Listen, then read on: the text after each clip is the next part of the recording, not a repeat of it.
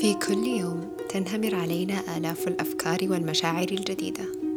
منذ أن نستيقظ وحتى أن نستلقي على فراشنا لنخلد إلى النوم. تتراكم كل تلك الأفكار والمشاعر بشكل عشوائي في صندوق ذاكرتنا المؤقتة. وإن كانت ذو أهمية عالية قد ننقلها لصندوق الوارد أو ننساها تماما. نعيش هذه الفوضى العارمة كل يوم وننسى كل ما هو مهم من شدة وعندما نستعد للنوم نتأكد من أداء واجباتنا نحو عملنا وعائلاتنا وواجباتنا نحو جسدنا من أكل وراحة وترفيه. ولا نلقي بالا لواجباتنا نحو ذواتنا وأرواحنا. إننا نستمع نتعلم وندرس الآخرين أكثر من أن نفعل ذلك لأنفسنا. نعرف كل تفاصيلهم أكثر مما أن نعرف تفاصيلنا. نعلم ما هي توجهاتهم طريقة تفكيرهم وقيمهم. وإن افتقدنا معلومة واحدة نكرس كل جهدنا ووقتنا لإيجادها. وسائل التواصل الاجتماعي هي أداتنا السحرية التي جعلت كل شيء أقرب. أصبحت عدسة التكبير لنا في كل زاوية. لتشغلنا عن الواقع الذي أمامنا. لتشغلنا عن أنفسنا وعن حياتنا الحقيقية. وبسبب كل هذا غالبا إن لم يكن دائما ليس لدينا إجابة لأهم الأسئلة من أنا؟ ماذا أطمح له؟ ماذا أريد في الفترة الحالية؟ وما هي رؤيتي؟ ما هي أحلامي؟ وماذا أريد؟ كيف لنا أن نجد إجابات لتلك الأسئلة؟ كيف لنا أن نستمع لأنفسنا ونكتشف ذواتنا؟ الجواب هو أن نلجأ للعزلة الأمر ليس كما تظن عزيزي المستمع وعزيزتي المستمعة. العزلة ليست للأشخاص الذين لا يجدون من يؤنس وقتهم. ليست مخيفة ولا تجب التوحد. العزلة ليست انطواء ذاتيا إنما هي فن وثقافة يجب علينا تعلمها ومفهومها ببساطة ينص على أن تكون مع ذاتك مع أفكارك وتجالس نفسك دون أي عوامل خارجية. قد تؤثر عليك أو تشتتك. دون كتاب دون هاتف محمول دون كل شيء. فقط أنت وأفكارك وذاتك.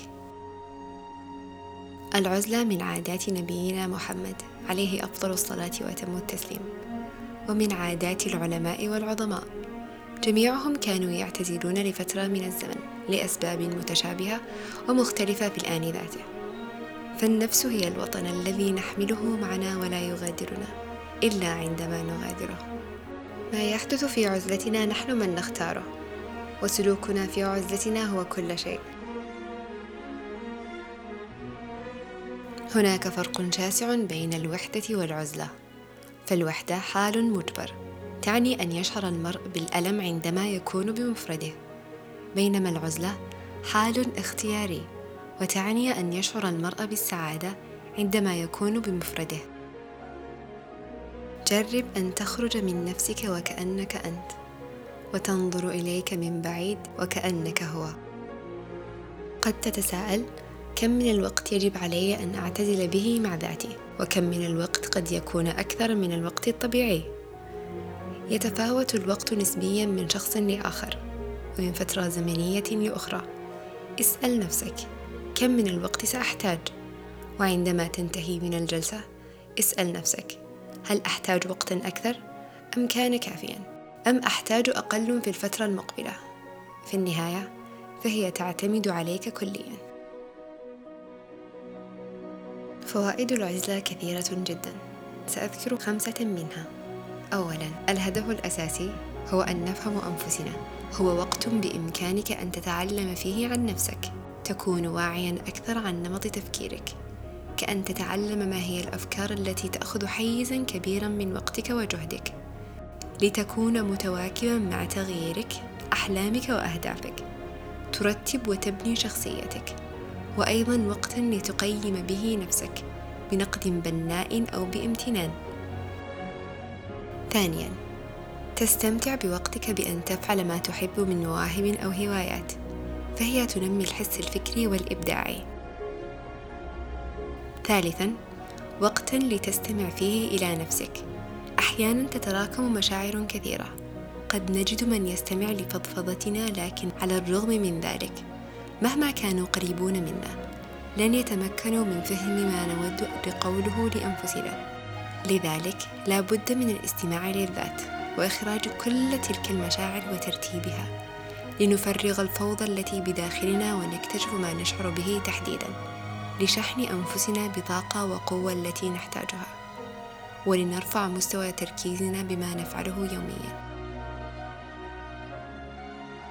رابعا وقت العزلة يهيئك لاكتساب قوة كبيرة والاعتياد على أن تكون مع ذاتك وأنت تشعر بالراحة دون حاجة للرفقة أو الحاجة للبحث عن هاتف محمول أو حتى كتاب لكي تتظاهر بأنك لست وحدك. خامسا عندما نكون مع الجماعة في الغالب ما نتصرف بطريقة مختلفة عما أن نكون بمفردنا بسبب التأثر برأي الآخرين. لذلك فالعزلة قد تقوي علاقتك بنفسك وتجعلك تكتشف ما أنت تريد بالفعل. ماذا يمكنك أن تفعل في وقت عزلتك؟ كل ما تريد أو تود فعله. لتصل إلى رضا ذاتي لسلام داخلي. لقناعة كاملة. لتصل إلى نفسك. سأطلعك على ما لا يمكنك فعله إلا في وقت عزلتك. قد تلجأ لتفريغ عقلك من كل شيء. ببساطة دون كل ما يجول في عقلك وقلبك في دفتر أو بورقة. قد تكون مشاعر قد تكون أفكار. قد تكون أمور يجب عليك فعلها كل ما يجول في خاطرك. دونه وفرغ ما بك. قد تتفاجأ باكتشاف أمور جديدة كليا عما كنت تتوقع. قد تتعلم عن نفسك وتكتشف حقا ما تشعر به. منها سترتب أفكارك وترفع مستوى تركيزك. أيضا التأمل بتفاصيل كل شيء حولك. كل الألوان وكل الزوايا كل الخطوط وكل التعرجات. ستجعلك تبحر بعالم الكيف واللماذا وتفكر بطريقة مختلفة. أيضا قد تعطي نفسك جلسة مع ذاتك للتنفس لإعطاء الروح استراحة. هناك أمور لا يمكنك إنجازها إلا عندما تكون وحدك. اكتشف ما هي وابدأ بالتنفيذ. أخيرا قبل أن نتعلم كيف نرافق الآخرين يجب علينا أن نتعلم كيف نرافق أنفسنا. خذ نفسك لنفسك كما لم تعرفها من قبل. وعد بعد